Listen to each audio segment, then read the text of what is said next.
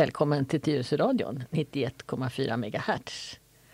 Och nu fortsätter Tyresöradions långkörare, nämligen Dr. Lenas hörna, med ett nytt magasin. Vi gör ju ett program var tredje vecka och nu har vi hållit på i Leif som sitter mitt emot. Hur länge har vi hållit på? Eh, jag är, vad heter det, alltså tiden går så fort nu för tiden.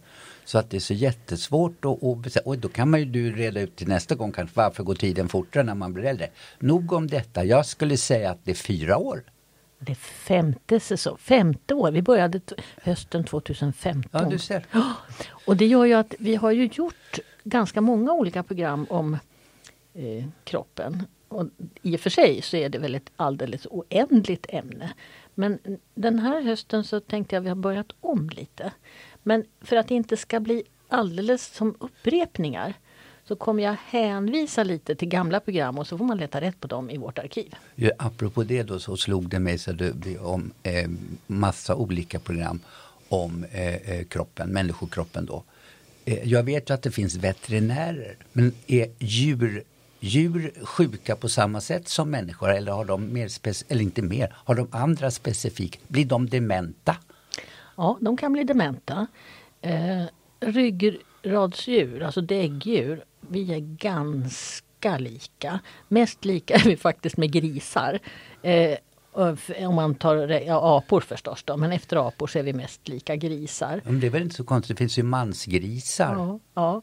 Men sen finns det då speciella djursjukdomar som peppar peppar hittills inte har drabbat människa. Men nu i, i de här tiderna så ska jag vara väldigt försiktig för att vi har ju lärt oss nu att det finns virus som uppstår i djurvärlden som mycket hårt kan drabba oss människor. Så att eh, en del av de kända djursjukdomarna eh, har hittills inte spridit sig till människa. Men, men, men rabies, är, är, inte hunden sjuk då i rabies? Jo, det är den. Den är, ja. jätte, är en jättefarlig. Den har spridit sig till människa. Ja. Det är en dödlig sjukdom. Men det finns annat. Det finns, eh, ja, det finns något som heter papegojsjuka som också har spridit sig till människa. Um, men eh, vi ska vi ska nog vara lite försiktiga med hur vi håller vår djurhållning. Och eh, vi ska ha respekt för det här, tror jag vi har lärt oss i år. Okej. Okay. Mm. Jaha, ska vi... Vi, vi var inte riktigt färdiga förra gången, för tre veckor sedan. För plötsligt började du prata om snarkning. Ja, det, det är en sak som har drabbat mig. Ja, och då lovade jag att jag skulle ta reda på lite mer om snarkning.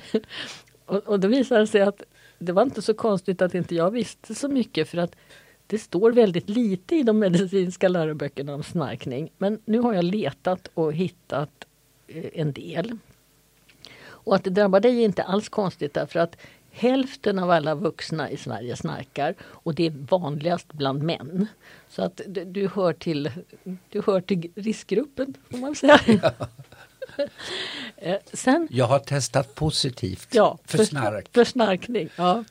Eh, sen vet man att kvinnor snarkar också och i synnerhet när kvinnor blir lite äldre. Och det är en, en referens jag läste där skilde man på social snarkning och medicinsk snarkning. Och social snarkning det är när det leder till bekymmer i ja, framförallt sovrummet. Då. Men den medicinska snarkningen den, den är ett problem för en del. Och det som händer är alltså att vi har om, om du känner med tungan uppe i, eh, uppe i taket. Vad känner, du då? Ja, vad känner du då? Ja, en slät hudyta eller skinnyta. Eller? Ja, som är ganska hård. Ja, ja, ja. ja, oh, ja. Tänderna sitter fast i det. Mm. Men sen bakom dit du inte når med tungan. Jo, ja, visst det. Uh, där finns det något som heter mjuka gommen. Ja, det, dit når jag. Du når dit? Ja, ja. Det, gör, det, gör, inte jag. Jag har inte tillräckligt lång tunga. Man får ju stretcha varje morgon. ja. Och den, den mjuka gommen, den kan alltså fladdra. Och då blir det luftströmmar som i sin tur gör att det blir ett ljud. Och eh, speciellt hundar har problem med snarkningar i mjuka gommen. Sen kan det vara i näsan att man har stora, det finns liksom väck i näsan som hyllor. Och om man har stora sådana så kan det bli luftströmmar där också som ger ljud som kommer då från näsan. Och sen finns det även lite längre bak i halsen att det kan vara trångt om man har stora tonsiller. Jag kommer inte ihåg det svenska ordet. Jo, halsmandlar. Eh, och eh, det är väl kanske framförallt hos barn som det kan leda till eh, andningsljud av snarkande typ. Men hos vuxna är, eh, halsmandlar aldrig något problem med, med att, det gör, att det ger snarkning. Men eh, jag, jag, vill minnas från min barndom att man ibland pratade om att man opererade bort halsmandlar. Har det någonting med det här att göra? Ja, man, det var ju en period man trodde att barn fick mindre infektioner om man tog bort halsmandlarna.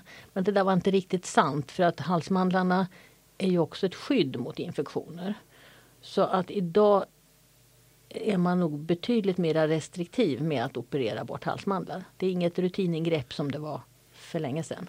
Men det här med lösa gommen och äldre dagar, blir det så att man blir lite slappare i, eh, i ja, i lösgommen? Ja. Nej, inte lö, nu, jo, lösa gommen. Nu, nu ska jag läsa upp en lista för dig här på vanliga orsaker till snarkning. Stress och eller trötthet. Det är första. Alkohol och eller rökning. Tredje är djup och eller för lite sömn. Alltså att man är, sover för djupt eller att man är eh, trött så att man inte riktigt eh, man, man, har inte riktigt koll på muskulaturen. Trångt svalg och eller stora näsmusslor. Det var de här hyllorna in i näsan. Sen har vi något som jag tror är ganska vanligt hos äldre människor. Avslappnande mediciner och eller smärtstillande mediciner. Och så kommer det där med stora mandlar och, eller polyper och det är för barn. Och sen om man har ett överbett eller liten underkäke. Det här var en lista. Sen har jag en annan lista där det också står om man har en eh, stor kroppshydda och ligger på rygg. Då kan tungan liksom ramla lite bakåt och också ge snarkande ljud. Eh, så att det, det kanske är det här med hälften av alla vuxna, något av de här skälen du får väl rannsaka dig själv. Ja, ja. Nej, men jag, men jag tolkar det så här, du har inte nämnt någonting, du är ändå läkare. Uh, det finns inget botemedel? Jo, det finns lite olika saker. Uh, om det, det, här räknas ju i de allra flesta fall som ett godartat tillstånd. Och då finns det olika typer av hjälpmedel som man kan köpa på apoteket saker man kan ha i näsan då, om det är näsan som gör det här eller att man kan ha någonting i munnen. Eh, tandläkare kan hjälpa till. Eh, man kan fråga på apoteket. Men man rekommenderar ändå att gå, om det här är ett problem, om det är ett stort problem eh, och att man hela tiden känner sig väldigt trött och att man kanske har, sover väldigt tungt. Då finns det ett tillstånd när, som kallas för sömnapné. Och det är en särskild sjukdom eh, men den går ofta med snarkningar. Och den ska utredas och behandlas. Men det är ett så stort kapitel så det tänkte jag det får vi göra ett eget program om. Okej. Eh, då, då får jag... Eh, vänta. Eh, du får snarka vidare. Ja, jo, men när du sa det där, eh, eh man sover djupt och så, då tänkte jag, jag kan ju vakna av en väckarklocka och det är liksom meningen. Men jag har all, min hustru säger då att eh, jag snarkar. Ja, eh, och det är lite jobbigt för henne. Eh, så jag har ju aldrig vaknat av att jag snarkar. Men, men alltså jag måste ju låta och jag tror jag låter högre än en väckarklocka för det är ju bara lite sån här snooze eller vad det kallas, lite surrljud. Varför vaknar man inte av snarkningar men av en uh, lågljudande väckarklocka? Ja, kroppen vänjer sig ju väldigt snabbt vid sina egna ljud. Man hör ju väldigt sällan sina egna blodomlopp till exempel. Eh, det finns tillstånd när man plötsligt kan höra sin egen puls i öronen och sånt där. Men kroppen är inställd på att eh, vad ska jag säga, koppla bort de egna ljuden. Däremot är vi väldigt känsliga för andra ljud som kommer utifrån. Det, när du säger det ska jag säga, eh, jag har ju sagt några gånger att jag har problem med alltså, proppar i lungan. Och jag går då vartannat år på såna ultraljud på hjärtat för att se om det växer. Och då när de kör ultraljudet där och kopplar in apparater, jag vet ju inte riktigt vad de gör. Då hör jag göra, eh, ja. Då hör du flödet ja. Mm. Ja, Mm. Och, och det här hur det tickar, hur mm. man ska mm. kalla det, hjärtljud, man fattar ju att det är hjärtat som slår. Och jag tänker, vilken lycka att man inte går runt och hör det. Visst. Och, och, som sagt att det egentligen så är, hör ju vår hörsel det men vi är så vi har kopplat bort det. Vi har vant oss vid vår kropps egna ljud så att vi hör dem inte. För att tjata lite mer om ljud, min svärmor hon fick något fel på någon hjärtklaff. Men hon var ju till åren kommen när man konstaterade det. Och då kunde man välja mellan ett, jag tror just att det var ett, en grisklaff eller en metallklaff. Och apropå grisen mm, är lik människan. Mm, mm, mm. Men eftersom hon var så ålderstigen så sa, sa de då att en grisklaff den håller i 15, kanske 20 år. Och då kommer du vara för gammal för en ny operation. Så att vi sätter in ett metall, eh, en metallklaff. Och det var ju ett främmande ljud får man ändå säga. Så att hon hörde ju hur den där mm. klaffen kom och gick. De, och det var jobbigt tyckte hon. Ja, de tick, tickar och de, de kan man höra. De kan man ibland höra utifrån också. Och eh, jag hade en gång en lärare, då var, då var de här klaffarna ganska nyuppfunna. Så man skulle föreställa sig hur de såg ut så såg de ut som ett toalettlock. Alltså de står och smäller hela tiden som när någon slår ner locket på toan. Mm. Mm. mm. Okay. Det tickande ljudet. Ja. Jag kanske skulle förklara då att den här metallklaffen den ja. hade egentligen oändlig hållbarhet. Så det var därför man, ja. kunde, eller, var därför man tog den. Ja. Man har ju förfinat det här numera och har andra material så att idag tickar de inte lika mycket. Men det är alldeles riktigt att det tickade nog hos din svärmor. Mm. Jaha, då har vi redan kommit in på dagens ämne som handlar lite mer om hjärtat. Och som jag sa så har vi gjort flera program om hjärtat. Ett av de allra första vi gjorde det handlade om hur hjärtat är uppbyggt. Och, eh, en snabb repetition så är det alltså två halvor, en högersida och en vänstersida. Det finns en vägg emellan. Och på varje sida så finns det en litet eh, utrymme överst och ett lite större utrymme nederst. Och i de här utrymmena så är det blod som då med såna här klaffar styrs genom hjärtat. Är det som heter förmak eller någonting Ja, förmaken är de här små som ligger ovanpå och kamrarna är de stora som är under. Och då är vänster kammare normalt lite större, har lite tjockare muskelvägg än vad höger kammare har. Fast hos dig kanske då högerkammaren är lika stor som vänsterkammaren. Ja just det, vi ska förklara mm. att mm. den ena delen av hjärtat går runt i hela, alltså förser hela kroppen med syresatt blod och den lilla mindre kammaren går till lungan för att hämta syre. Mm. Och det är alltså vänster sida som pumpar ut i kroppen och höger sida som pumpar ut i lungsystemet, i lilla kretsloppet. Eh, och att det, att det överhuvudtaget pumpar det beror på att det finns då särskilda celler i hjärtat och de ligger i den här mellanväggen mellan höger och vänster sida. Och det, de, sådana celler finns då i alla, inte bara i eh, däggdjur utan även då i fiskar och groddjur. Och eh, det är celler som har en förmåga att hela tiden avge små elektriska stötar får man säga som gör att musklerna då drar ihop sig. Och det här är ju någonting av evolutionens eller skapelsens underverk. Att det finns såna här celler som ger såna här elektriska stötar. Så, som resten då av muskelcellerna i hjärtat eh, reagerar på genom att dra ihop sig och, och, på det sättet pumpa. Hur håller de takten? Ja, det är det som är lite klurigt. Och då finns det eh, eh, det finns olika ställen. Det börjar på en liten fläck som då kallas för sinusknuta som ligger i höger förmak ganska långt ner mot höger kammare. Men den ligger på höger sida. Och sen så går den här lilla impulsen vidare. Den hoppar över till nästa sån här liten ansamling av nervceller som kallas för AV-nod. Nod betyder knutpunkt ungefär. Och från AV-noden så sprider det sig sen i två ben till höger och vänster sida. Och då är det så att den här impulsen den börjar då uppe i sinusnoten. Den hoppar över till AV-noden och sen går den ner i de här benen på, i väggen. Och då kan, det, tar, det tar några bråkdelar av en sekund efter den här urladdningen innan det kan ladda om. Och det är det som då gör att det blir en regelbunden rytm. Men sen så händer det ju saker och ting då. Och en sån här sak som nog de, nästan alla människor drabbas av någon gång. Det är att hjärtat börjar rusa. Eh, ett svenskt ord är då hjärtrusning.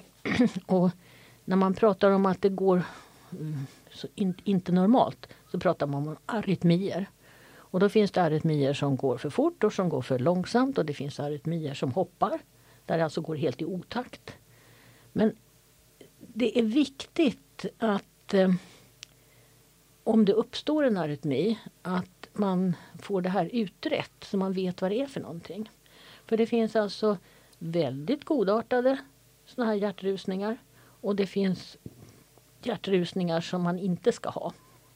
För de kan vara ett tecken på svår hjärtsjukdom och de kan också leda till skador i hjärtat.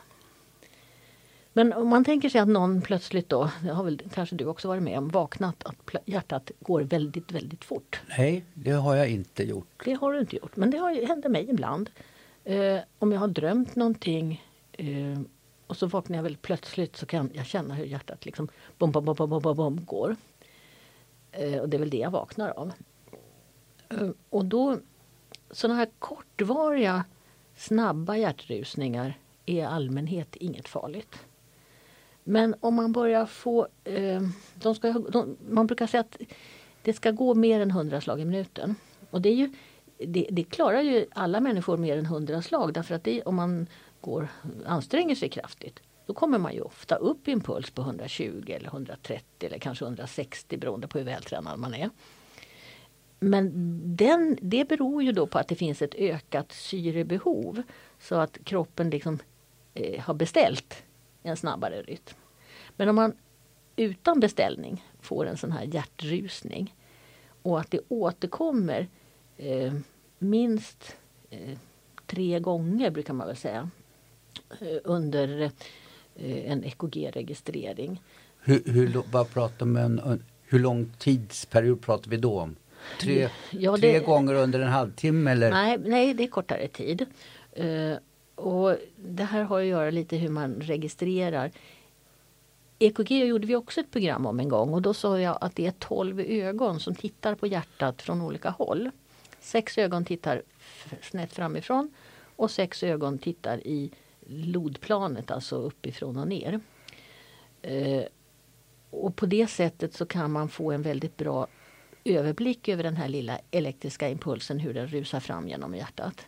Och då kan man alltså på ett EKG så ser man då om hjärtat börjar gå väldigt fort. Om det är eh, var i det här systemet som det liksom har skenat och tappat kontrollen. Och sitter det i förmaken då är det i allmänhet eh, sådana här korta rusningar. Då är det i allmänhet ganska godartat.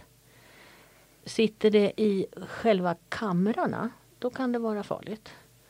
Och därför ska man, om man har såna här hjärtrusningar och känner sånt här, då ska man gå till sin vårdcentral. Eller så, om, man, om man mår dåligt, om man mår lite illa och känner att man håller på att svimma, då ska man åka till närakuten. Eh, man behöver inte söka kanske på akutmottagningen, men man ska se till att man ganska snabbt ändå får det här utrett. Och då får man i allmänhet, mm, dels tar man ett EKG men det kan ju vara så att den här rusningen har upphört då. Utan då kanske man får låna en apparat som mäter över ett helt dygn om det återkommer såna här episoder med snabb hjärtrytm. Det här är ett ganska vanligt skäl till att folk söker akut. För det här är, Ofta upplever man det väldigt obehagligt om hjärtat börjar rusa. Eh, och då är frågan, kan man göra något själv mer än att man ska söka för det? Ja, man kan försöka ta och krysta som när man sitter på toa. Klämma lite.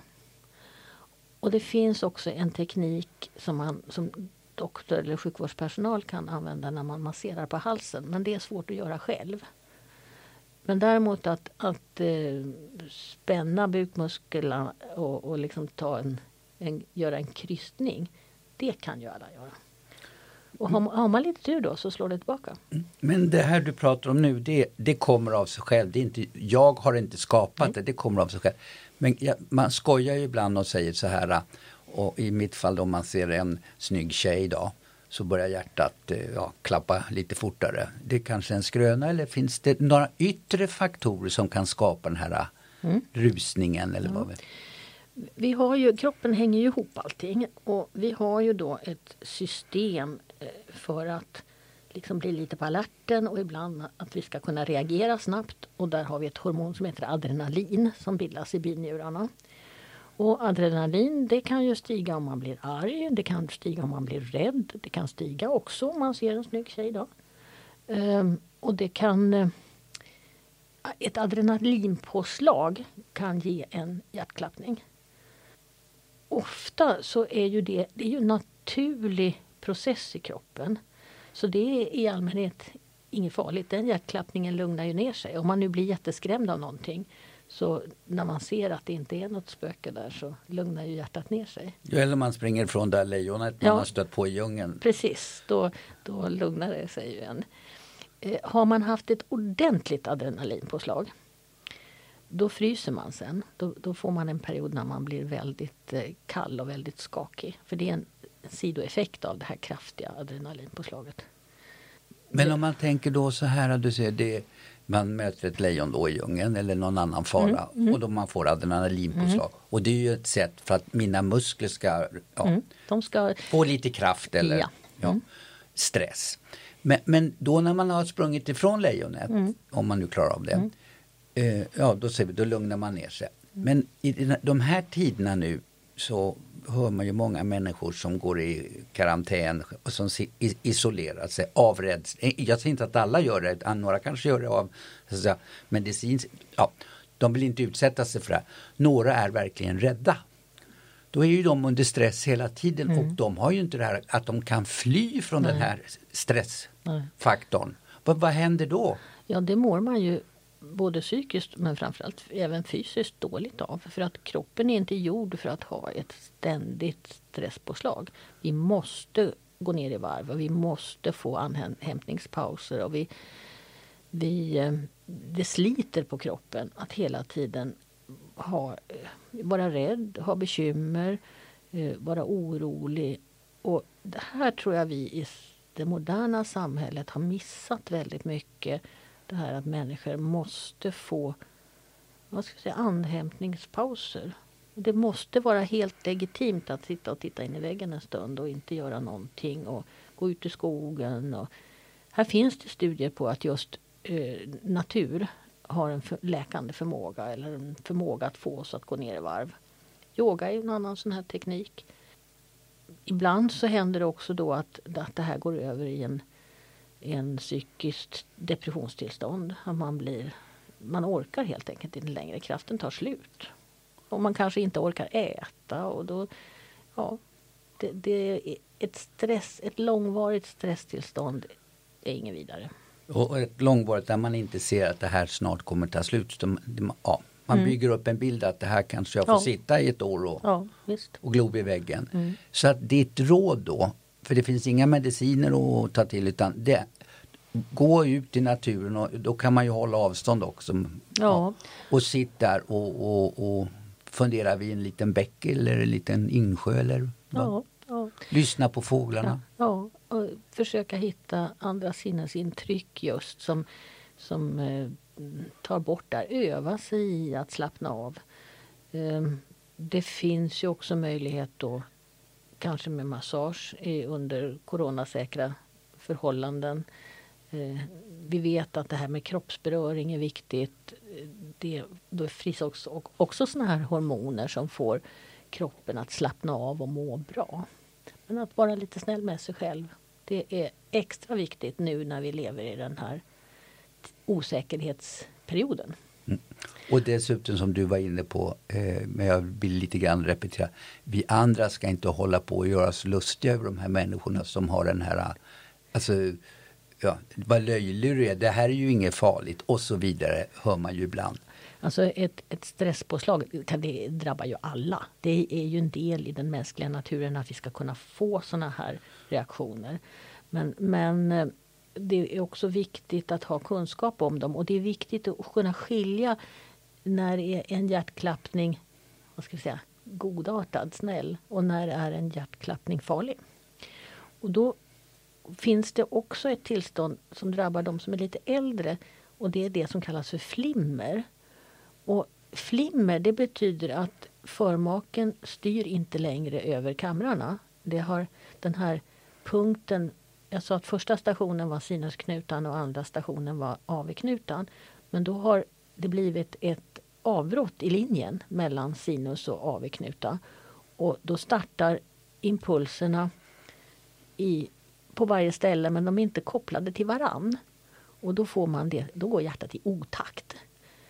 Och ett flimmer det är farligt just därför att det kan ge blodproppar. Och därför så ska också den som får ett flimmer eh, utredas och ha behandling. Och behandlingen i de här lägena det är ju ofta att ge läkemedel som dels förhindrar proppar. Dels eh, kanske om det är snabba flimmer tar ner farten lite grann så att, det upplevs, så att blodtrycket kan fungera. Men det här är vanliga tillstånd. Både den här godartade rusningen, hjärtrusningen och eh, förmaksflimmer. Men de är, eh, de är i sig inte livshotande. Men däremot kan de ge konsekvenser då, som, som eh, eh framförallt förmaksflimret kan vara mm, farligt och det ska behandlas. När vi är inne på det här hjärtat och vad det kan drabbas av. Ordet hjärtsvikt, vad står det för då? då? Ja, det är då, om du tänker en gammaldags vattenpump, du har väl någon sån där på landet kanske, ja, ja, en sån där grön med handtag. Ja. Och då vet du att om man pumpar i en jämn takt då forsar det vatten ur pumpen. Men om man drar för sakta eller om man drar för fort då kommer det inte fram något. Och ett flimmer då, då rycker man i den där pumpen alldeles okontrollerat. Då, då kommer inget, flödet blir påverkat. Och, och då får man ju alltså en, en syrebrist när inte ett, ett, ett flimmerhjärta pumpar ineffektivt hos en del. Hos en del så är flimret av den så pass lindrigt att pumpfunktionen påverkas inte. Men hjärtsvikt är när, när det samlas vatten eller blod. vätska i ja, både blodet men framförallt blodet är ju blodkropparna förs ju fram i en vätska och det blir en vätskeansamling i hela kroppen. Och det brukar vara fötterna som svullnar. Det kan vara också buken som svullnar, lever i inre organ. Man kan få svullnad i tarmarna. Alltså det, kroppen det pumpar inte runt som det ska. Och då samlar man lätt på sig vätska. Och en, en svår hjärtsviktspatient kan ju samla på sig 10-15 kilo. Så att det, det, är inga små mängder utan det är eh, och då får man svårt att andas och då mår man riktigt dåligt. Okay. Men jag tror att vi gjorde ett program om hjärtsvikt också. Om man nu vill veta lite mer om de här olika tillstånden eh, när hjärtat rusar eller om förmaksflimmer eller svikt så har vi ju den här fantastiska hjärt-lungföreningen som vi har pratat om förut. Mm. Och de har fina broschyrer som man kan ladda ner på sin dator. Eh, man kan ju printa ut dem också eller man kanske kan få dem av sin husläkare om man inte eh, har möjlighet att själv skriva ut dem. Men det finns det finns, kan de finnas på vårdcentralen? Det gör de säkert. Eh, och det, det, finns många. Jag tror att, nu har jag inte skrivit upp den siffran, men jag tror att det var uppåt 25 stycken olika om olika hjärttillstånd. Och de är bilder och det är bra skrivet och det är enkel text, man förstår vad det står där. Så att broschyrerna ifrån Hjärt-Lungfonden, de kan jag varmt rekommendera för den som liksom har drabbats något av det här och vill försöka förstå lite mer vad det är som händer. Och har man inte eh, tillgång till en sån här broschyr så kan man ju fråga sin doktor om man kan få en för doktorn kan alltid ta fram det. Och det är en av de, man tänker på det står ofta skänk pengar till Hjärt-Lungfonden. Det är ju en av de saker som Hjärt-Lungfonden faktiskt har använt alla de här pengarna till. Är att skapa de här jättefina broschyrerna. Så det kan man det kan du gå hem och skaffa en. Mm. Leif, tiden rusar alltid iväg. När som vi, ditt hjärta alltså, ja, rusar. Det är ett rusande program idag. Ska vi, vi har, ska vi ta tre minuter till? Jag sitter och tittar på, vi har en ny klocka här inne i studion så att nu har jag exakt koll på tiden. Ja, jag skulle vilja ha, om jag visste inte om jag skulle hinna med det, eller vi skulle hinna med det, men det, då har vi några minuter. Varför, alltså, jag tänkte, Corona är det då, det är fråga från en lyssnare. Alltså, man, man, man ska ju tvätta händerna och det är för att det kan finnas då sådana här virus på handtag eller vad det nu är. Man, någon, någon har varit där tidigare. Och då är det två frågor. Hur länge är den här äh, viruset aktivt på handtaget eller när dör det då eller blir inaktivt? Alltså hur lång tid tar det? Eh, så att det är ja, riskfritt. Och kan det här viruset tränga in genom huden eller måste det, alltså jag måste ha mina händer in i munnen eller alltså kan det komma genom huden? Nej, det kan inte komma genom huden. Det är man helt säker på. Däremot hur länge virus finns på en yta någonstans, alltså ett handtag, en, ja, knapparna när man, på, när man betalar med kontokort eller när man håller i kundvagnen. Så här, det är ju mycket svårare. Man tror inte att det är särskilt långlivat på en, en torr yta. På en fuktig yta så kan det leva lite längre. Men men när du pratar på en torr yta inte så länge, pratar vi om 3, 4, 5 timmar eller? Nej, jag tror att vi pratar någonstans om kanske från en halv, kvart, halvtimme upp till en timme, någonting i den storleksordningen. Men det här är, det är så olika förutsättningar hela tiden så att eh, grundregeln att tvätta händerna är, är väldigt bra.